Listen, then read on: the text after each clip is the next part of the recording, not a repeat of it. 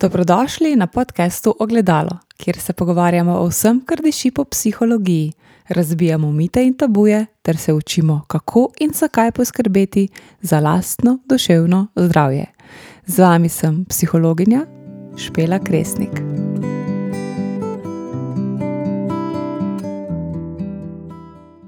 Ponovno je pred vami epizoda, ki je posnetek webinarja. Webinarja v živo, ki sem ga imela v solo izvedbi na svojem YouTube kanalu. V njem pa sem govorila o tem, kako se soočati s stresom. Zato v tej epizodi, oziroma v webinarju, posnetku webinarja, ki sem ga preoblikovala v podcast epizodo, najdete kar nekaj učinkovitih tehnik za to, kako se spopadati s stresom. Pa tudi, seveda, na začetku nekaj teoretičnega znanja oziroma teoretične podlage, ki je za samo razumevanje tematike izredno pomembna. Še preden pa se posvetimo današnji tematiki, vas tako kot vedno lepo povabim, da mi pomagate razširiti glas o tej novi epizodi podcasta in tako morda pomagate tudi drugim do različnih spoznanj in novih znanj. Zdaj verjamem, da že veste, kako to storite, tako da ta podcast ocenite, se nam naročite, napišete kakšno mnenje ali pa ga preprosto podelite na svojih socialnih omrežjih. In če me boste pri tem označili, vas bom z veseljem tudi podelila naprej. Za vsa vprašanja in komentarje ter mnenja sem vam vedno na voljo preko e-maila ali zasebnega sporočila na Instagramu. In vsako vaše sporočilo je dobrodošlo. Če boste ta podcast oziroma ta posnetek webinarja poslušali do konca, boste na koncu seznanjeni tudi z eno novostjo, ki jo pripravljam za vas. Eno tako fajn stvar, no, bom temu rekla tako, kaj več pa izveste na koncu tega posnetka webinarja. Tako da lepo vabljeni k poslušanju. Vsi tisti, ki pa raje gledate video posnetke, pa lahko ta webinar najdete tudi na mojem YouTube kanalu pod zavihkom Live Videi in tam bo ostal vse še nekaj časa na voljo za ogled. Prijetno poslušanje vam želim. Zdaj jaz vam vsem, ki ste danes z mano, ali pa tudi vsem tistim, ki si boste pogledali ali poslušali ta posnetek, zares priporočam, da si pripravite en list papirja prazen list papirja, pa kakšno pisalo, da si boste lahko zapisali pomembne stvari, pa tudi zato, ker imam že kar na začetku pripravljeno eno vajo in je dobro, da si zdaj, ko jo bom razložila, tudi zapišete vprašanja, pa jo potem po zaključku tega webinarja odgovorite na ta vprašanja.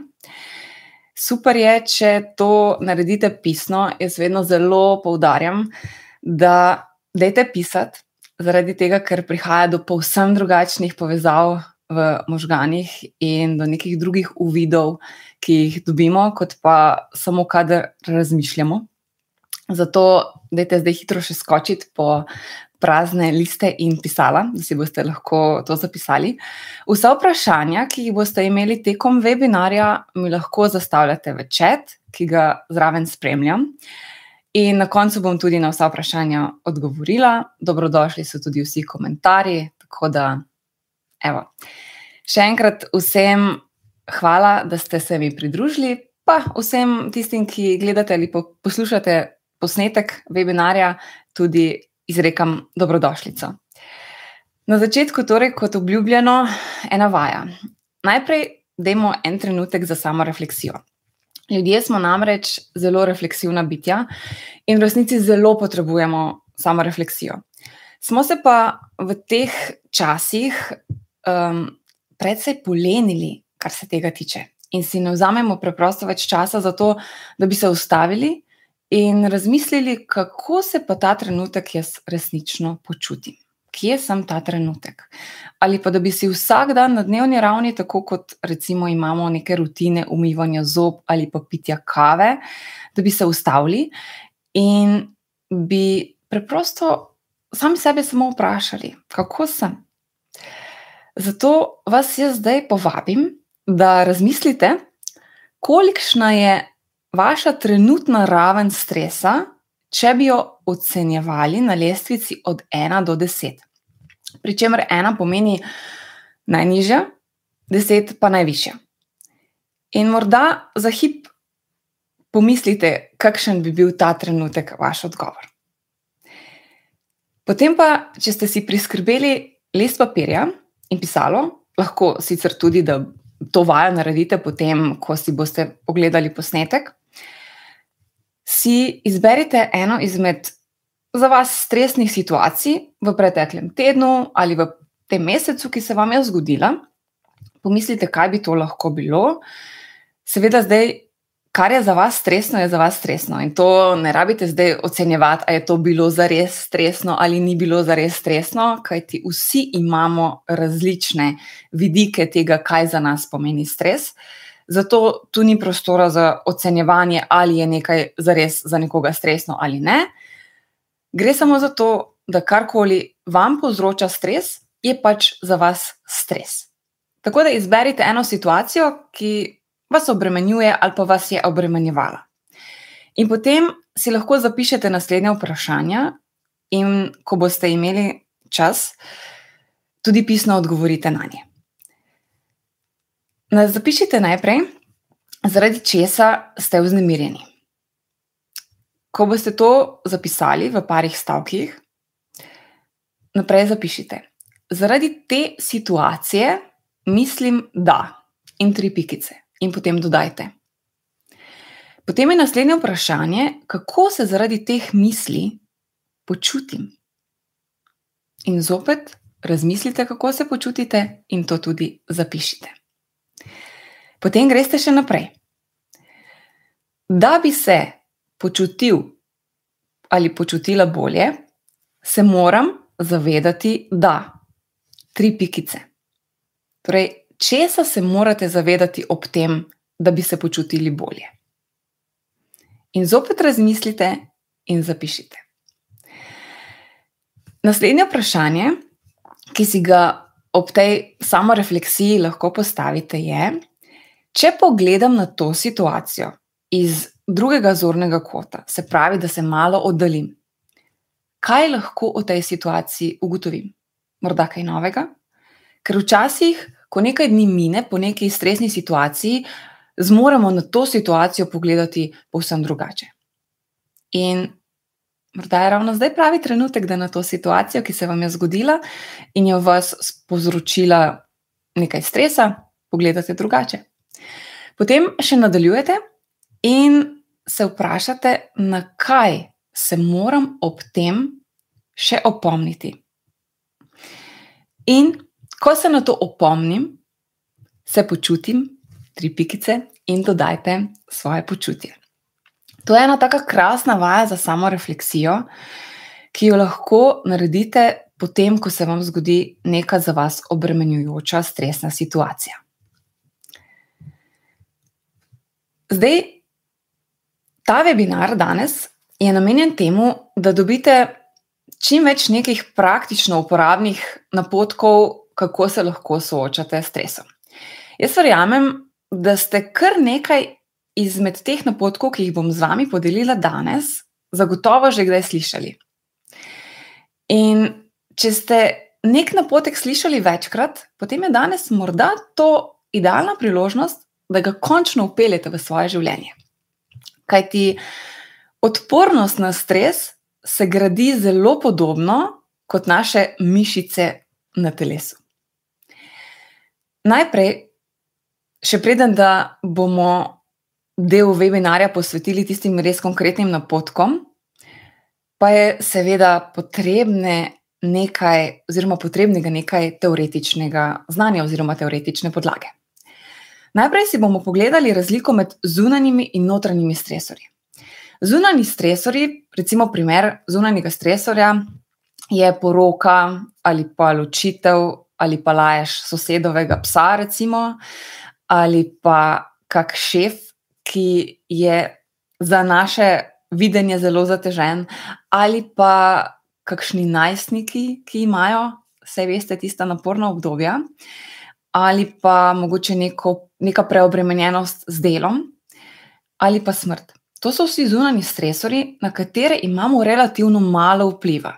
Imamo pa vpliv na to, kako se mi odzovemo, oziroma kako nekako gremo čez te stresorje. Potem pa imamo na drugi strani notranje stresore, ti pa so znotraj nas. Notranji stresori pa pravzaprav izvirajo iz naših misli, in misli potem povzročajo te običajno neprijetne občutke, čeprav stres ni vedno nekaj neprijetnega. Poznamo tudi pozitiven stres, in stres je nekaj, kar v življenju v resnici potrebujemo. Zato, ker nas stres lahko tudi motivira. In malo stresa, recimo pred javnim nastopanjem, to je tudi eden izmed notranjih stresorjev, je vedno koristnega. Zato, ker to pomeni, da se bomo na stres veliko bolje pripravili. In torej stres nekako aktivira naše telo, da napnemo vse tiste mišice, oziroma vse, mm, vse kar moramo, v bistvu napet, da bomo čim bolj dobro izpeljali neko situacijo. Notranji stresori, recimo primer notranjega stresorja, so različni strahovi pred višino, pred letenjem, pred pajki, pred kačami, zelo pogosti stresorji, potem kakšna negotovost, ko čakamo na kakšne rezultate laboratorijskih preiskav. Notranji stresor je lahko tudi naš negativen odnos do soljudi, naša nerealna pričakovanja, ki jih imamo, sploh kadar smo recimo nagnjeni k perfekcionizmu, tistemu negativnemu delu perfekcionizma, seveda. Notranji stresori so lahko tudi ne, nenadne, neke nenadne spremembe v življenju ali pa vsakodnevne skrbi, ki jih doživljamo. In seveda to doživljamo vsi ljudje. In dejstvo je, da nihče od nas ni imun na stres. Naj si bo še tako razsvetljen, oziroma še tako dober v tej čustveni odpornosti, oziroma psihološki odpornosti. Kajti Če imamo dobro psihološko odpornost, ne pomeni, da smo imuni na stres, pač pa to samo pomeni, da te stresne dogodke doživljamo morda nekoliko drugače, oziroma manj stresno kot nekdo, ki je manj čustveno odporen. In vsi se v življenju srečujemo z najrazličnejšimi stresnimi dogodki. Od izgube službe, bolezni, ločitve ali pa samo težav v zakonu, do upokojitve do neke nosečnosti, do nove službe, to so vsi stresori. In zelo je pomembno, da se znamo zdaj na nje odzvati, da ne dovolimo, da ti stresori tako zelo podrejo naše življenje, da na nek način nam potem onemogočijo funkcioniranje. In kaj je tisto, kar igra ključno vlogo pri našem telesnem odzivu na stres? To so naši možgani.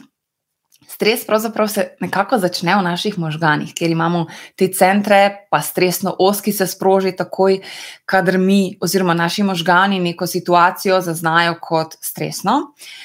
Ampak danes ta webinar ni namenjen temu, da bi se poglabljali v povezavo stresa in možganov. Morda še samo ena malenkost, ena informacija, ki se mi zdi pomembna na tem mestu.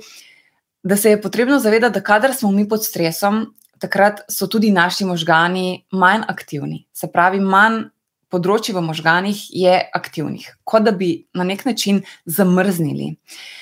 In torej možgani delujejo drugače, kadar smo pod stresom, kot pa kadar smo v nekem normalnem ravnovesju in v nekem normalnem delovanju. Ampak o podrobnostih morda ob kakšni drugi priložnosti. Pomembno je, da razumemo, da imamo nek odziv na stres, da se naš, oziroma vsak organizem odziva na stres. Ko smo, recimo, v nekem ravnovesju v življenju in nas nekaj vrže iz tira, stopimo v fazo alarma in zgodi se šok. In takoj se naš organizem nekako odzove z protišokom. In potem se premaknemo takoj v fazo odpora, in v tej fazi se mi v bistvu ukvarjamo s stresorjem. Ugotavljamo, aha, na kak način zdaj ta stres znižati, kako se zdaj zopet spostaviti neko ravnovesje. In kadar nam to uspe, se iz te faze vrnemo nazaj v ravnovesje.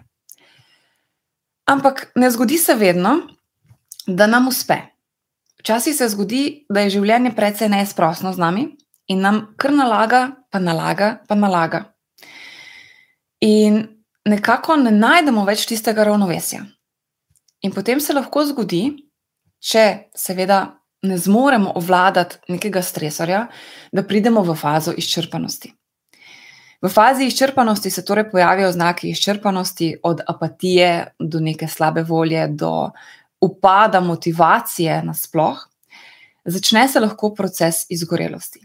In kadar v, na tej točki torej ne, nekako, m, se ne odzovemo, si ne poiščemo tukaj, pa že najverjetneje neke strokovne pomoči, uh, vsak organizem ne, ne zmore zdržati v stresu ne vem kako dolgo, in potem lahko tudi pričakujemo, da se bo razvila neka bolezen, kar pa lahko tudi, žal, vodi v zelo, zelo negativne izide.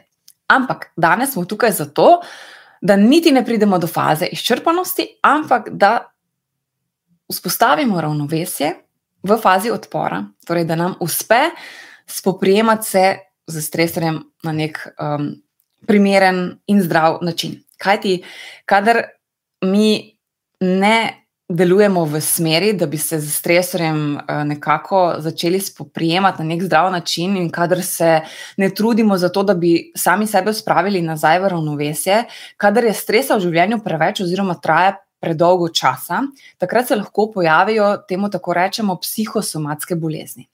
Psihosomatske bolezni so v bistvu tele, telesne motnje oziroma telesne bolezni, ki so posledica stresa oziroma porušenega duševnega delovanja. Kadar torej doživljamo preveč neprijetnih čustev in se z njimi ne ukvarjamo. In številnih bolezni ni mogoče razumeti kot neka nenadna dogajanja, ampak kot proces, ki traja več let. In med psihosomatske bolezni lahko spadajo razne bolezni srca in ožilja, srčni infarkti, povišen holesterol, recimo, je zelo pogost, želočne težave, kasneje si bomo pogledali, kje se vse zataknejo čustva v telesu, uh, kak čir na, um, na želodcu, tudi potem driska zaradi stresa, to ste zagotovo že kdaj doživeli, kadar ste bili pred kako pomembno. Um, pred kakim za vas pomembnim dogodkom, ki vam je predstavljal stres, pa tudi astma, razne aler alergijske bolezni, uh, glavoboli, bolečine v mišicah in sklepih, bolečine v križu, um, porušeno, porušen imunski sistem. Ker namreč, kadar smo mi, oziroma naše telo pod stresom, se moramo zavedati, da je naše celo, celotno telo pod stresom in da to ni samo nek odziv naših misli, pa naših čustev, ampak gre za porušen, porušeno ravnovesje v telesu. In to pomeni, da tudi takrat, kadar smo mi pod stresom, smo bolj dovzetni za infekcijske bolezni. Torej, so pogosteje zbolimo, um, kadar smo bolj obremenjeni in pod stresom. In Naša čustva, oziroma misli, to je vse tako zelo povezano, ne? čustva, misli, občutki, se lahko na našem telesu tudi zataknejo. Kadar recimo um, imamo občutek, da nas boli glava ali pa da so naše misli težke, da smo preobremenjeni v mislih, se lahko zgodi, da smo obremenjeni z, mislimo, z mislijo, da ne moremo, misliti, ne moremo nehati misliti na eno stvar ali pa da delamo sto stvari naenkrat, da imamo občutek preobremenjenosti, da nas kar nekaj dol tišči. Potem pogosto se zgodi, da kadar imamo neke bolečine v želodcu, imamo v zadju lahko neke misli, ki nas opominjajo na to, da bo vse narobe, da nikoli ne bo bolje, da ne vemo, kaj naj naredimo da smo prepričani, da nam ne bo uspelo, in potem nas je kar avtomatsko strah in se nekako zakrčimo. Ne? Um, to je samo nekaj primerov. Je pa zelo dobro, kadar opazujete svoje telo in če se vam neke težave ustrajno pojavljajo, je morda to signal, da vam nekaj sporočajo. Ne? Zdaj, že prej sem omenila, da je odvisno od tega, kako se bomo mi spoprijemali s stresom, zelo uh, v bistvu naša frustracijska toleranca. Frustracijska toleranca določa stopnjo odpornosti od stresa. In bolj smo mi nekako psihično stabilni, psihično odporni, oziroma psihološko odporni, boljšo imamo to frustracijsko toleranco. Torej, vprašanje v zadju pa je, kako bomo reagirali, če neko situacijo vidimo kot izziv, in kako bomo reagirali, če na drugi strani isto situacijo vidimo kot grožnjo ali izgubo. Gre torej za enako situacijo, pa za dve različni poti do tega, kako jo vidimo. In to je zelo pomembno. Kaj ti? Mi lahko se s stresom spoprijemamo in z težavami, seveda, spoprijemamo konstruktivno in nekonstruktivno. Kadar se spoprijemamo konstruktivno, oziroma se vse skušamo spoprijemati konstruktivno, se bomo spraševali, kaj lahko naredimo, kaj je v območju našega vplivanja. Imeli bomo neko notranjo motivacijo, situacijo bomo jemali kot izziv, ampak seveda, da se razume. Ni vedno dobro, da neke situacije, ki so dejansko problemi, da jih skušamo vse čas opravičevati v smislu izziva. Oziroma, da si zdaj zelo popularno je postalo, namreč, da vsem problemom govorimo izzivi. Pa to niso. Vsi problemi niso izzivi. Lahko pa jih vidimo kot izzive na način, da sebe postavimo v aktivno vlogo in pogledamo, kaj lahko mi tukaj naredimo. Tudi, kadar so stresori, recimo, zunani in nimamo nekega neposrednega vpliva, imamo pa vpliv na to, kaj bomo z temi čustvi, ki jih ob tem doživljamo, naredili. Ne?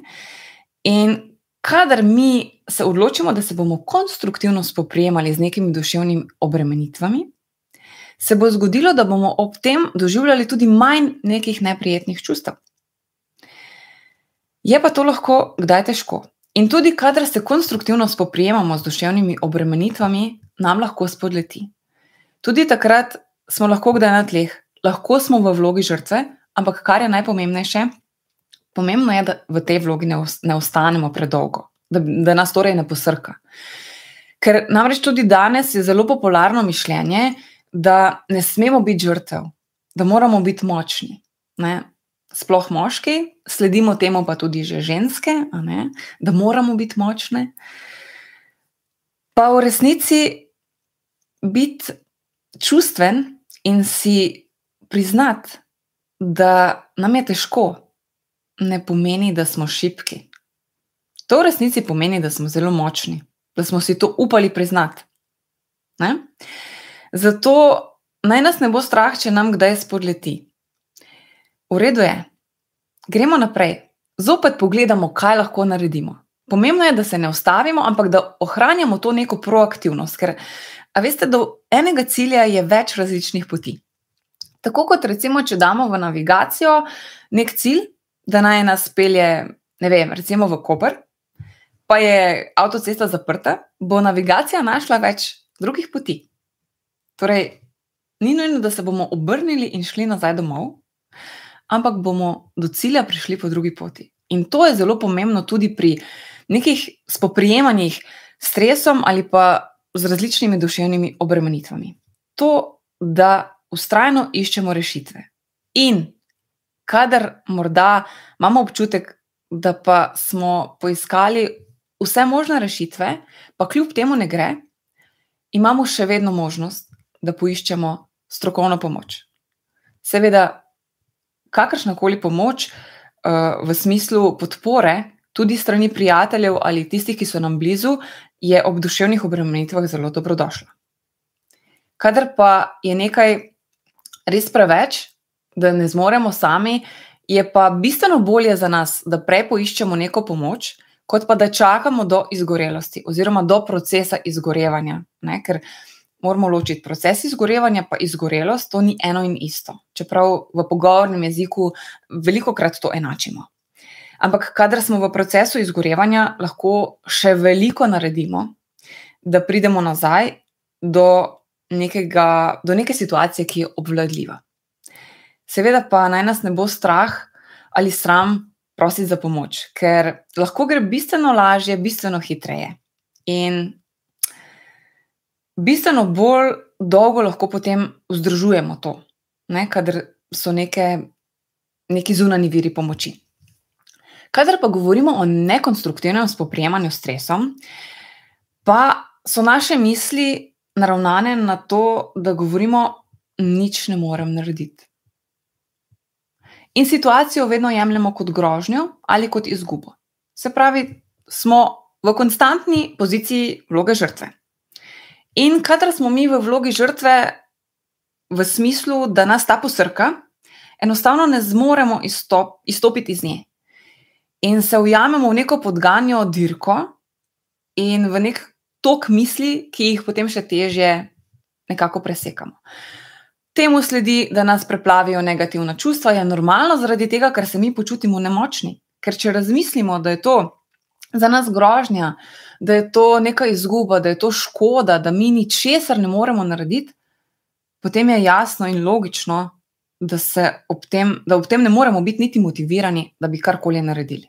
Torej, tu je ključna stvar, kako pogledamo na situacijo. To je torej neka prva taka, ne tehnika, pač pa nek napotek, da se lahko že kar na začetku, ko se vam dogajajo neke duševne obremenitve, ustavite in se odločite, kako boste pogledali zdaj na situacijo.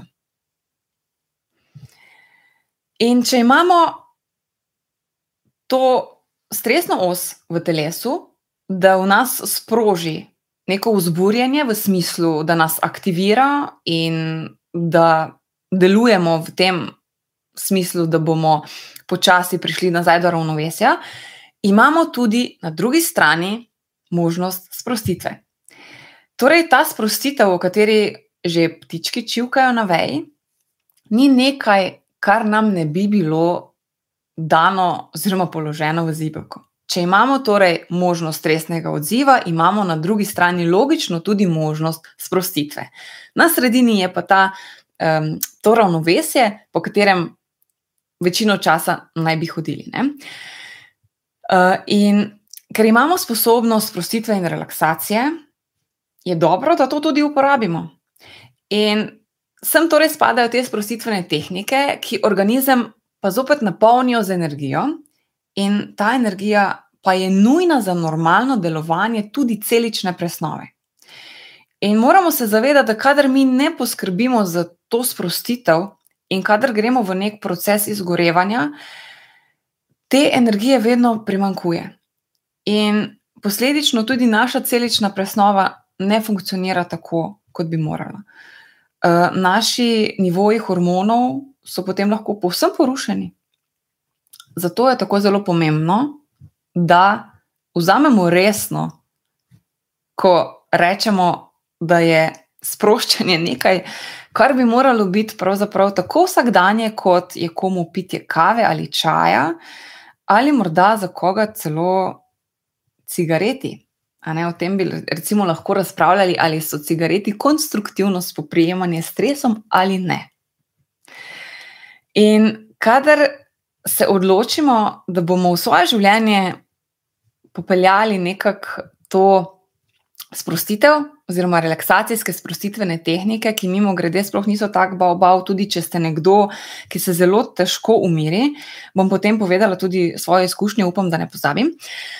Um, če torej se odločimo in to damo v neko dnevno rutino, za kar ne potrebujemo več kot pet minut dnevno, mimo grede, se lahko hkrati ne samo, da se izboljša naša psihična odpornost, izboljša se tudi naša imunska odpornost, celična presnova, unetja v organizmu se izboljšajo. Skratka, ni da ni. Ampak glej ga zlomka. Ljudje še vedno iščemo čarobno paličico, da bi z njo samo na hitro pomahali in stresa ne bi bilo več. To je ta naša, tudi morda, kot sama opažam, neka uh, pretirana produktivnost, ker skušamo nekako narediti ful stvari, in hkrati imamo občutek, da imamo vedno premalo časa. In zdaj pridemo na ta del webinarja, ko se bomo pa bolj konkretno pogovarjali o tem, kako zdaj obvladati stres. In jaz vam bom tukaj zdaj natresla en kup nekih možnosti, na vas pa je, da najdete tiste, ki so primerne za vas. Oziroma, jaz verjamem, da vas bodo same našle, zato ker si boste zapomnili tisto, kar si morate zapomniti. Vprašanje pa je, ali boste to dali v prakso. Od tu naprej ni več moja odgovornost. In vse, kar vam jaz lahko dam, je neke strategije, neke napotke, vi pa ste torej tisti, ki boste s tem urodjem upravljali. In če ne boste, potem vam tudi samo ogled tega webinarja ne bo pomagal zmanjšati stresa. Lahko pa vam kvečemu pomaga do nekega razmisleka. In še ena zadeva, zelo pomembna zadeva, preden da začnem uh, razlagati te različne možnosti obvladovanja stresa. Prosim vas, če do danes ne uh, koristite nobene tehnike za obvladovanje stresa, ne si zdaj napisati celega seznama, pa to jutri dati v svoj urnik. Zato, ker vam ne bo uspelo. Nisem črnogleda, ampak samo realna. Vedno, ko delamo spremembe v življenju, in spremembe v življenju so mogoče, ker smo ljudje nedokončana bitja in se vse čas spreminjamo. Čeprav, seveda, logično in realno gledano, si nihče od nas ne želi sprememb, ker pa če v coni obdobja najbolj udobno. Ampak spremembe so možne in najboljše spremembe so tiste, ki jih delamo počasi, da se uspejo utrditi. Kajti vsega, kar smo se v življenju naučili, smo se učili počasi. Od vožnje kolesa do vem, plavanja, do vožnje avtomobila. Vse, kar danes znamo, je zahtevalo svoj čas. In tudi to, učenje tehnik spoprijemanja s stresom, zahteva svoj čas. In ko smo ravno pri času, veliko krat smo pod stresom zaradi tega, ker imamo občutek, da imamo premalo časa. To je alarm, Zato, da čas obvladuje nas in ne mi njega. Zato je zelo pomembno, da se vprašamo, kje je tukaj v resnici problem. In največkrat je problem pri tem, da si ne znamo dobro organizirati časa, da nimamo dobrega ravnovesja med delom in družino, da nosimo delo domov. Recimo, to je ena izmed zelo pogostih stvari, da ne zmoremo tam zapreti vrat in postaviti meje, kje je pa zdaj naš prosti čas. Veliko krat je tudi v zadju to delegiranje nalog, da jih ne zmoremo, ne znamo delegirati, ali pa da si želimo narediti mi vse stvari, zato ker jih lahko edino mi naredimo dovolj dobro. To je pa taka perfekcionistična drža. In torej, toliko na kratko okoli časa, ker zdaj, če gremo v to tematiko organizacije časa, lahko tukaj ostanemo vsaj še dve uri, pa bi bilo to premalo, ker to je posebej področje. Ampak mogoče za razmislek. Ko nam grejo na živce drugi ljudje, in je to tudi stres, kajti odnosi so lahko zelo stresni, in pravzaprav so eni izmed najbolj stresnih dejavnikov v našem življenju ravno odnosi. V resnici so odnosi tako stresni zato, ker nam drugi ljudje najpogosteje postavljajo ogledalo, v katerem se hočemo, nočemo, moramo ozreti. Oziroma, ni se nam treba, ampak takrat nam bodo drugi vseeno šli na živce. Zato, ker noben kamen nas ne moti, če nam ne stoji na poti. In kadar nam grejo na živce drugi ljudje, je to za nas odlična priložnost, da pogledamo vase in pogledamo, kaj v resnici nas moti. Kje je kamen spotike? Smo ljubosumni, ali je v nas kaj takega, kar še pri sebi ne sprejemamo. Lahko pa so odnosi tudi vir stresa, zaradi tega, ker je komunikacija nekaj, česar nas nažalost ne, ne učijo v šoli. In potem imamo tukaj to, da ne znamo postavljati meja, da ne znamo reči ne, da ne znamo biti iskreni v odnosih, da sebe postavljamo na drugo mesto in potem smo jezni na druge, v resnici pa občutimo jezo na sebe. Ker vedno dajemo prednost drugim in nikoli mi ne pridemo na vrsto. Ne? Tako da tu je spet en tak zelo širok spekter, ki bi spet lahko bil posebej tematika. Potem so lahko tudi vir stresa pričakovanja drugih, sploh na delovnem mestu. Ali pa je to vir stresa zaradi tega, ker nimamo dovolj dobrih navodil, kaj je naše delo kaj se od nas pričakuje. Tu lahko naredimo ta korak, da poskušamo to nekako skomunicirati, da zahtevamo konkretne napotke, neko konkretna navodila, ker bolj imamo neko stvar oprijemljivo, manj strašljiva in manj stresna je za nas. Ne? Ko govorimo o slabih navadah, ki nam lahko povzročajo stres, je tukaj edina prava rešitev, da jih spremenimo. Poglejmo, kaj so za, naš, za nas naše slabe navade in jih poskušajmo nekako spremeniti. Um, perfekcionisti, ki, torej tisti negativni del perfekcionizma, je lahko velik vir stresa. Uh, zato je dobro, da ujamemo te perfekcionistične misli. O perfekcionizmu sem sama govorila že ogromno in ogromno nekih koristnih, uporabnih vsebin o perfekcionizmu lahko dobite v mojem podkastu Ogledalo. Ne vem na pamet, katera, mm, katera epizoda je, ampak za vse tiste, ki boste si pogledali posnetek, bom, oda, bom dala neko povezavo do teh podkastov tudi v opis. Um, Ne v opis epizode, evo, zdaj imam že uh, vse čas podcast v mislih, uh, nekam, kamor uh, lahko dam te povezave uh, zraven videa oziroma audio posnetka, v kakršni koli obliki boste to poslušali, nekje bodo povezave torej, dodane do teh uh, podcastov, ki jih omenjam. Še ena zelo pomembna stvar mediji in spremljanje poročil. To je ena taka tematika, ne, ki je zelo zanimiva in je zelo velik vir stresa pri ljudeh. Če pogledamo samo nekaj let nazaj, kaj se je dogajalo in kako zelo pod stresom smo bili zaradi informacij ali zaradi prikrajšanosti informacij, lahko vidimo, kako velik vpliv imajo mediji na nas. In Sama sicer se zelo izogibam gledanju poročil, pravzaprav tega res ne gledam. Preletim novice toliko, da vidim, kaj se v svetu dogaja.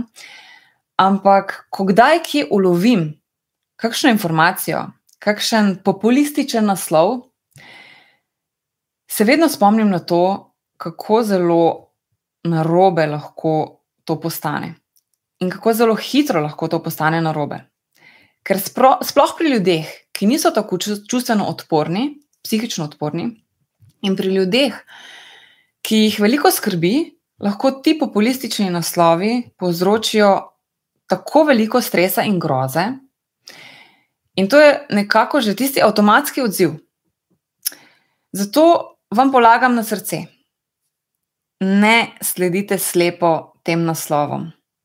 Opazujte se, ko brskate po novicah ali pa ko poslušate novice kaj se dogaja v vas. In postavite mejo, distancirajte se od tega. Zato, ker veste, naslovi običajno ponujajo neke senzacije, zaradi tega, ker želijo pritegniti našo pozornost. In temu rečemo pač preprosto marketing. In marketing najboljše deluje, kadar pritisne na naša neprijetna čustva. Zato, ker ljudje bi naredili vse, da bi se izognili bolečini. Zato, dejte ne takoj zagrabiti tega, Dajte preveriti ozadje, dajte se malo poglobiti v tematike, ne kar tega naprej nest in potem stres se jače naprej, ker s tem ne delamo nič koristnega. Ne? Tako da mogoče tu en tak poglobljen razmislek. Lahko si pa tudi celo izračunate, koliko dni v letu je, če eno uro na dan spremljate novice oziroma senzacionalistične novice, ki, za katere vemo, da so pretežno negativne. In potem vidite, koliko pravzaprav tega dajete vase, koliko spuščate. Veste, ker ni pomembno samo to, kar dajemo vase v neki fizični obliki, v smislu hrane in pijače, ampak je zelo pomembno tudi, s čim hranimo lasten um. Zelo je pomembno, kako imamo naravnan svoj mindset. In stres lahko zmanjšajo tudi rutine. Ampak za rutine je dobro, da jih kdaj pa kdaj potem tudi malo pretresemo, da vnesemo kaj svežine. In zdaj pomlad je odlična priložnost za to, da malo uredimo tudi mm, ne samo svoje omare, pa svoje stanovanje, pa vrtove, ampak tudi svoj notranji vrt, bom temu tako rekla. In seveda potem ena taka največja stvar, največja priložnost za obvladovanje stresa so tehnike sproščanja. Zdaj pa najprej ena moja izkušnja za vse tiste sotrpine, ki imate občutek, da meditacija no go, da dihanje, mm -mm, to ni za me. Ob dihanju postanem še bolj živčen ali pa živčna. Meditacija, to meni povzroči še več stresa. Razumem vas. Ker sem nekoč bila tam, na točno taki poziciji, ko mi je meditacija bila vir stresa ko je za me sproščanje pomenilo neka aktivnost. In da se razumemo, fizična aktivnost je zelo dobra stvar za obvladovanje stresa, zelo nam lahko pomaga. Ne priporočam pa je kot edine, zato ker fizična aktivnost je bolj usmerjena na vzven, čeprav se sproščajo, seveda, tisti hormoni, ki pripomorejo k temu, da se počutimo bolje. Ampak pri fizičnih aktivnostih se zares vase ne poglobimo. To ni delo na sebi. In če želimo graditi čustveno oziroma psihološko odpornost, je potrebno delo na sebi v smislu poglabljanja v lastna čustva, v to, da se soočamo z neprijetnimi čustvi, da si dovolimo občutiti vso težo in breme, ki nam jo nalaga življenje, pa kljub temu iščemo rešitve in poti. Kaj ti vsaka preizkušnja, ki nam je življenje ponudi, In vsaka taka preizkušnja, ki jo mi uspemo, iz katere uspemo nekako splavati nazaj na površje, nas naredi močnejše in bolj čustveno in psihološko odporne. In kako je treba začeti, kadar imamo težavo sprostice?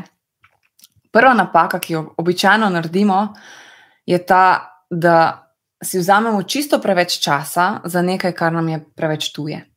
In pride do prevelike diskrepance, torej do prevelikega razkoraka. To je zelo podobno temu, kot če recimo imamo o sebi mišljenje, da si sploh nismo všeč. In potem se pogledamo v ogledalo, misleč, da se bo naše mišljenje, mišljenje spremenilo, če si bomo govorili, da smo najlepši na svetu, ne bo se, zato ker je to nekaj, kar naš um ne bo verjel. In ker je to nekaj, kar naše telo ne bo verjelo, nekaj, kar ne bo skladno z nami. Zato moramo počet, začeti počasi. Tudi pri tehnikah obvladovanja stresa, v smislu dihalnih tehnik. Ko rečem počasi, to ne pomeni, da si vzamemo 15-minutno meditacijo, tudi če je vodena, in se zapremo v sobo in poskušamo, eksperimentiramo, in po petih minutah ugotovimo, da se nam bo zmešalo. Ne, to ni ok. Začnemo lahko že samo z eno minuto. Podaljšujemo na tri minute, pet minut, in potem vedno večamo. Zato, ker veste, meditacija. Za meditacijo je dokazano, da redna meditacija, pa ni nujno, da je eno uro na dan, Bolje je pet minut meditacije na dan, kot pa ena ura na teden. Zaradi tega, ker gre za trening.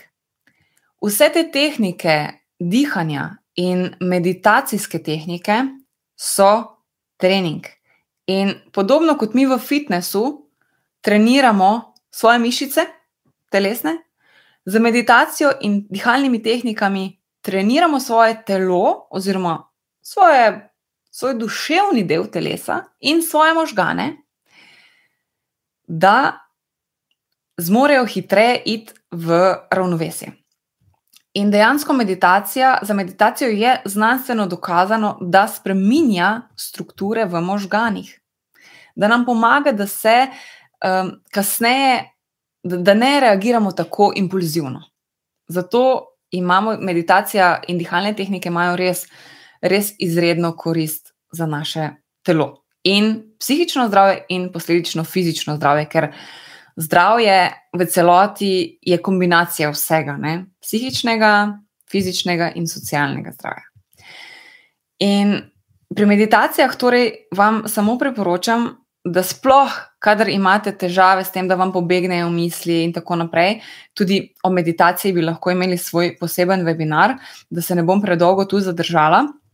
Pomembno je, da torej začnete počasi Če vam je lažje, si vzamite kakšne vodene meditacije, ki vas bodo vodile in boste imeli manj nekih um, misli, ki vam bodo pobegnile. Ampak ni namen meditacije to, da ne mislite nič, ampak da se opazujete, da ste tukaj in zdaj s sabo, da si dovolite te občutke, ki jih čutite. In da jih samo opazujete, da nič ne delate z njimi. Mi smo pa ljudje kar navajeni, da kadar občutimo neko nelagodje, bi se mu kar radi izognili, ker je normalno. In kadar začutimo neprijetna čustva, bi radi pobegnili, tudi to je normalno. Ampak, veste, neprijetna čustva nam nekaj sporočajo. In če jih mi tlačimo, bodo enkrat se tako zelo nakopičila, da bodo izbruhnila. In tega si ne želimo. Zato dejte začeti spremeniti svojo rutino v smislu, da boste dali nekaj sprostitvenih tehnik vanjo.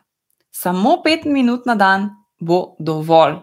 Sploh za začetek, potem boste pa sami videli, ali vam pa še več ali ne. Recimo, zdaj bom z vami podelila ene, dve oziroma tri dihalne tehnike, ki so zelo preproste, In lahko si nastavite, potem, ko boste sami to počeli, eh, štoparico na minuto ali pa dve minuti, tri minute, kako vam bo udobno. Gre pa tako, da vdihnete in štejete do štiri. Eh, zelo, včasih je eh, to štetje zelo pomaga, sploh tistim, ki jim radi misli pobegnejo, zaradi tega, ker kadar štejemo zraven, ne moremo misliti na druge stvari.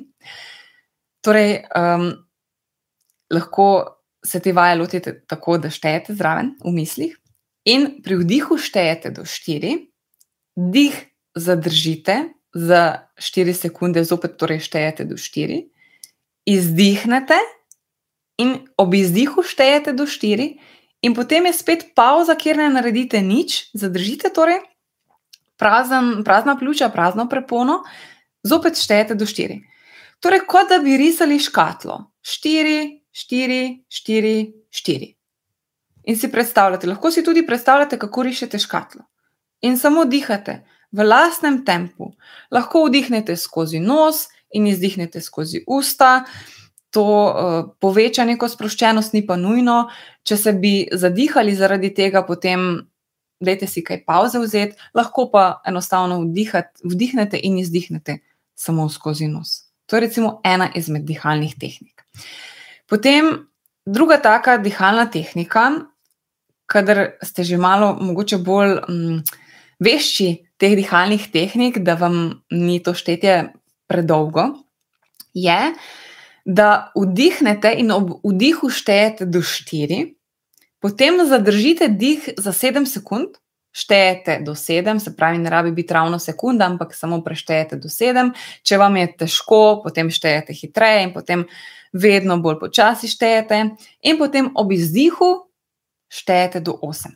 Se pravi, 4, 7, 8. 4 sekunde vdih, 7 sekund zadržimo in 8 sekund izdih. In to parkrat ponovite. In opazujte potem svoje telo, kako se boste ob tem počutili. Mogoče vam prvič ne bo udobno, če boste to dalj časa trenirali, pa se znate hitro tega navaditi. Je pa še ena taka za vse tiste, ki rabite, mogoče zraven kaj bolj um, fizične aktivnosti. Da iztegnete prst, jaz ga zdaj ne morem, ampak čisti iztegnete roko in gledate v konico prsta in rišete ležečo osmico. To je sicer ta znak za neskončnost. In spremljate konico svojega prsta. In ko greste navzdol, je vdih, torej levi krogec je vdih, potem je pa izdih. Ne? Se pravi.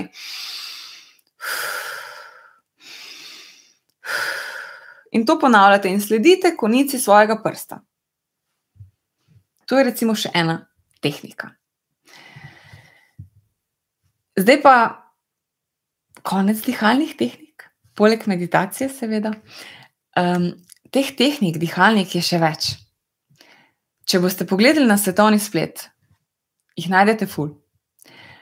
Lahko si tudi sami izmislite svojo, kakor vam paše. Pomembno je samo, da se osredotočite na dih, in super je, če dihate s prepono, čim bolj.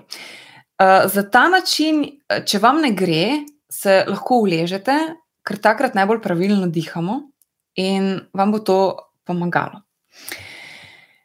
Imamo pa še kakšne druge tehnike za obvladovanje stresa. Morda za tiste, ki bi se na začetku raje izognili tem dihalnim tehnikam, čeprav moram vam povedati, da te dihalne tehnike zelo pomagajo tudi pri obvladovanju strahov ali pa kakšnih drugih neprijetnih čustev, ker dejstvo je, da vsa neprijetna čustva nam povzročajo stres.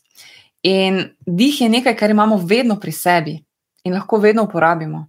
In zato vsi poudarjamo, tisti, ki se ukvarjamo s temi stvarmi, zakaj je dihanje tako zelo, zelo pomembno.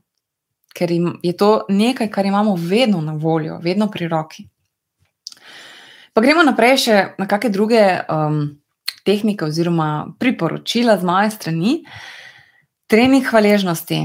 Tudi o tem sem že dosti govorila, dosti pisala na moji spletni strani www.spelakresnik.com. Lahko najdete brezplačen dnevnik hvaležnosti, če ne veste, kako bi začeli trening hvaležnosti. Tudi za trening hvaležnosti so narejene številne raziskave, ki v bistvu potrjujejo to um, pozitiven doprinos tega treninga hvaležnosti. In če tega še ne počnete, in če boste to začeli početi, boste sami videli rezultate. Ni mi treba vreti, ampak dajte, dajte testirati. Ne? Jaz vedno rečem, ne mi vreti, probajte sami. Ker tudi to je ena izmed stvari, ki sem se jaz zelo dolgo upirala, potem pa sem ji dala priložnost. In danes sem zelo vesela, da sem ji dala priložnost. Morda nekaj napotkov, kako začeti z vajo hvaležnosti oziroma s treningom hvaležnosti. Uh, Zapišite deset stvari, za katere ste hvaležni. Če imate zdaj eh, list papirja pred sabo, si lahko ta navodila zapišete. Lahko napišete seznam petih oseb, za katere ste hvaležni in zakaj ste jim hvaležni. Lahko zapišete seznam treh izkušenj, za katere ste v življenju hvaležni in pojasnite, zakaj, in tako naprej. Potem je še ena vaja, ki jo jaz sama zelo rada uporabljam, je vaja čuječnosti. Vaja petih čutov, jaz rečem, ker imamo pet čutov in je tako preprosta, da jo tudi lahko izvajamo marsikje. Gre za to, da naštejemo pet stvari, ki jih vidimo okoli sebe, potem štiri stvari, ki jih ta trenutek slišimo, tri stvari, ki jih občutimo, recimo. Kako se nam lasje dotikajo obraza, ali pa če imamo očala, ali pa kako začutimo um, podporo pod sabo, stol pod sabo, tla pod sabo. Potem dve stvari, ki jo ta trenutek vonjamo.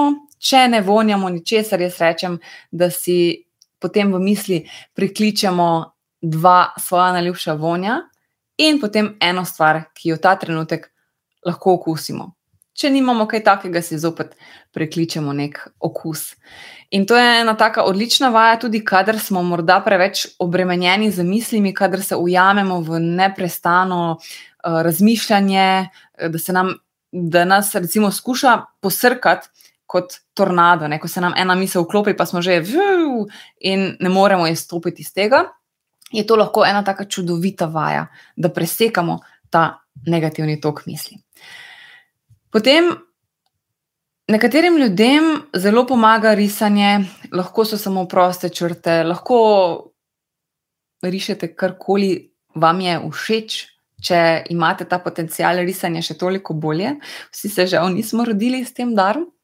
Tako da tisti, ki imate ta potencial, ste lahko za njega tudi zelo hvaležni. Lahko barvate mandale, to tudi uh, ogromno ljudi poroča, da jih sprošča. Gibanje sem že prej omenila, gibanje je super stvar. Kakršno koli gibanje, da se razume, tudi sprehodi v naravi. Narava nasploh je odlična. Tako da kar se da veliko časa preživite v naravi. In zdaj, sploh, ko se narava prebuja, ko prihajajo lepi dnevi, ko so daljši dnevi, dajte biti čim več v stiku z naravo. Ker to je res nekaj, kar ker mi smo bitja narave, to je dejstvo in narava nas polni. Poskrbite za higieno spanja. Nekaj dni nazaj je bil svetovni dan spanja. Veliko se ozavešča o spanju. Spanje je osnova. In če spanja nimamo urejenega, potem lahko vi meditirate cel dan, pa to ne bo ok. Torej, spanje je ključno. Imamo neke temelje, ne, ki jih moramo postaviti. Tudi prehrana je ključna, seveda. to vse sovpada. Lahko si privoščite masažo. Masaža je super za sprostitev. Yoga, odlična stvar, seveda, če vam je to udobno in če nimate nekih omejitev. Meditacija, kot sem že omenila, vodenih meditacij imate na spletu ogromno, tako da tu ni izgovorov, da rečete, da ne vem, kako naj zdaj s tem začnem. Danes je to že tak, kar fajn izgovor. Zato, ker imamo svetovni splet, ki je zelo uporaben za take stvari, da nam pove, um, kako nekaj začeti. Seveda, moramo pa biti toliko, da znamo poiskati neke relevantne informacije in da, prosim, um, preverite informacije, ki jih najdete, preverite ljudi, ki jim sledite, in nikoli jim ne verjemite na prvo žogo. Bodite skeptični, bodite radovedni, vedno skušajte izvedeti več, ker tako se boste največ naučili. In um, pisanje dnevnika zelo, zelo dobra stvar. To je v bistvu tehnika samorefleksije, ki nam na dnevni ravni ne bi smela vzeti več kot 10, 15, 20 minut maksimalno. Lahko se samo vprašamo, kako se tisti dan počutimo, kaj nam je šlo dobro, kaj bi radi izboljšali, in je to to. Ne? Ker marsikdo reče, ja, pa ne vem, o čem bi pisal. Ni problema, imamo vprašanja za to. O odnosih uh, sem že povedala, da so lahko vir stresa, in če mislimo, da so naši odnosi vir stresa, ker imamo težave s komunikacijo, potem je dobro, da poiščemo tukaj neke rešitve pri sebi. Poglejmo, kako se lahko mi naučimo drugače komunicirati, kako lahko mi drugače pristopimo do ljudi, s katerimi komuniciramo. Ker drugih ne moremo spremeniti, to je dejstvo, lahko pa spremenjamo sebe in svoje vedenje. In tega se lahko naučimo. Spet, če ne veste kako, poiščite ustrezno pomoč. Um, psihoedukacija oziroma razumevanje nekih stvari, ki se nam dogajajo, in iskanje informacij v zvezi s tem, z razno raznimi, recimo, duševnimi stanji ali pa stvarmi, ki se nam pač preprosto dogajajo v življenju. Dajte poiskati več informacij. Knjige so odličen vir informacij. Ne? Dajte se podučiti o stvarih, ki vas pestijo. In seveda, vkolikor se vam zdi, da je pa stresa v vašem življenju vendarle nekoliko preveč za vaš okus in da ne zmorete več, prosim vas, poiščite strokovno pomoč, psihološko, psihoterapevtsko pomoč. Um, ena izmed možnosti je to, zato da vam bo lažje. Prej, kot boste poiskali pomoč, hitreje boste prišli do želenega cilja oziroma do olajšanja. In ena zelo pomembna stvar, ki jo res želim deliti z vami, pa smo že sicer proti koncu, tako da ne bom vas uh, kaj um, preveč dolgo še zadrževala. Ena zelo pomembna stvar, ki jo pogosto opažam pri delu s klienti, pri svojem individualnem delu, je ta, da imamo ljudje težave pri delegiranju nalog. Stresi namreč veliko krat povzročamo tudi s tem, ko prevzemamo preveč odgovornosti na sebe. Recimo, tudi ko prevzemamo preveč odgovornosti otrok ali pa partnerjev, partneric, ko skušamo na mestu drugih delati stvari, ki so jih sposobni narediti sami. Zato, ker jih imamo radi, vse jaz to razumem, pa ker nam ni težko. Ali pa tudi zaradi kakih drugih teženj. Kakorkoli, vedno na koncu ugotovimo, da pridemo v nek začaran krog, ki nas samo dodatno obremenjuje, ki nas izčrpava. In na koncu lahko to pomeni, da s tem krhamo odnose, ker drugim na nek način ne dovolimo prevzemanja odgovornosti in jim s tem oduzemamo neko moč oziroma priložnost učenja. Hkrati si mi nalagamo preveč, dolgoročno smo izmučeni, imamo občutek tudi lahko, da nam drugi niso hvaležni. Ker lahko hitro dobimo očitek, jaz se pa ti nisem rekel ali rekla, ali pa te prosil ali prosila, da mi to narediš. Ne? In potem smo žalostni, užaljeni, rečemo, da nas drugi ne cenijo. In so to lahko zelo boleče stvari. Tako da morda je čas, da tudi tu razmislite, kaj so stvari, ki jih lahko delegirate, če se počutite preveč obremenjeno. Ali pa kaj so stvari, ki jih lahko enostavno eliminirate iz svojega življenja, zato ker ne koristijo ničemur, ker ne služijo nobenemu namenu. Recimo, neko pretirano, pretirana organizacija doma. Ali pa neke stvari, ki vam samo kradejo čas, zato ker imate vi neko potrebo, da je to tako. To so ene tematike, ki so sicer tako res že zelo poglobitve, ampak um, je fino razmisliti, kaj v bistvu s čim se mi obremenjujemo in kakšen stres si pa mi sami nalagamo. Ne? Zato, ker dejstvo je, da največ stresa si povzročamo sami. Mi smo sami sebi lahko najhujši sovražnik, če to želimo. In sami smo tisti, ki lahko tudi najbolje obvladujemo svoj stres. Ne? Tako da največ moči je v vas. Zdaj pa je treba samo vse to, kar ste danes izvedeli, oziroma tisto, kar se vas je dotaknilo, kar vas je poklicalo, kar vas zanima, je treba dati v prakso. Še zdaj bi mogla dati bobne, ker bom oznala eno za me veliko stvar, ki je lahko velika tudi za vas. Namreč nekaj pripravljam, nekaj zanimivega za vse tiste, ki si želite zvišati svojo psihološko odpornost. Pripravljam 60-dnevni spletni tečaj za obvladovanje stresa in tesnobe ter gradnjo psihološke odpornosti. Naslov spletnega tečaja je lahkotno v poletje, zato ker si zares želim, da se osvobodite teh notranjih spon, da zadihate, da res zadihate s polnimi pljuči, da se naučite še več nekih tehnik, pa ne toliko tehnik, pač pa da si dovolite to poglabljanje vase, ker v tem tečaju se bomo tudi malo bolj dotaknili teh svojih notranjih dogajanj, vsak zase, seveda, nič ne bo treba deliti. Um, spletni tečaj sem v bistvu oblikovala skozi svoje večletne izkušnje vodenja delavnic in predavanj, in pa individualnega dela s posamezniki, zato je v njem vključen res samo tisti del, um, za katerega sem prepričana, glede na podlagi svojih izkušenj, da bo najbolj uporaben.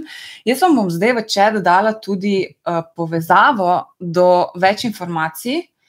In morda samo še par besed na to temo, da boste vedeli, kaj, oziroma komu je namenjen, vsi ostali pa lahko pogledate tudi na spletno stran, kjer je več informacij.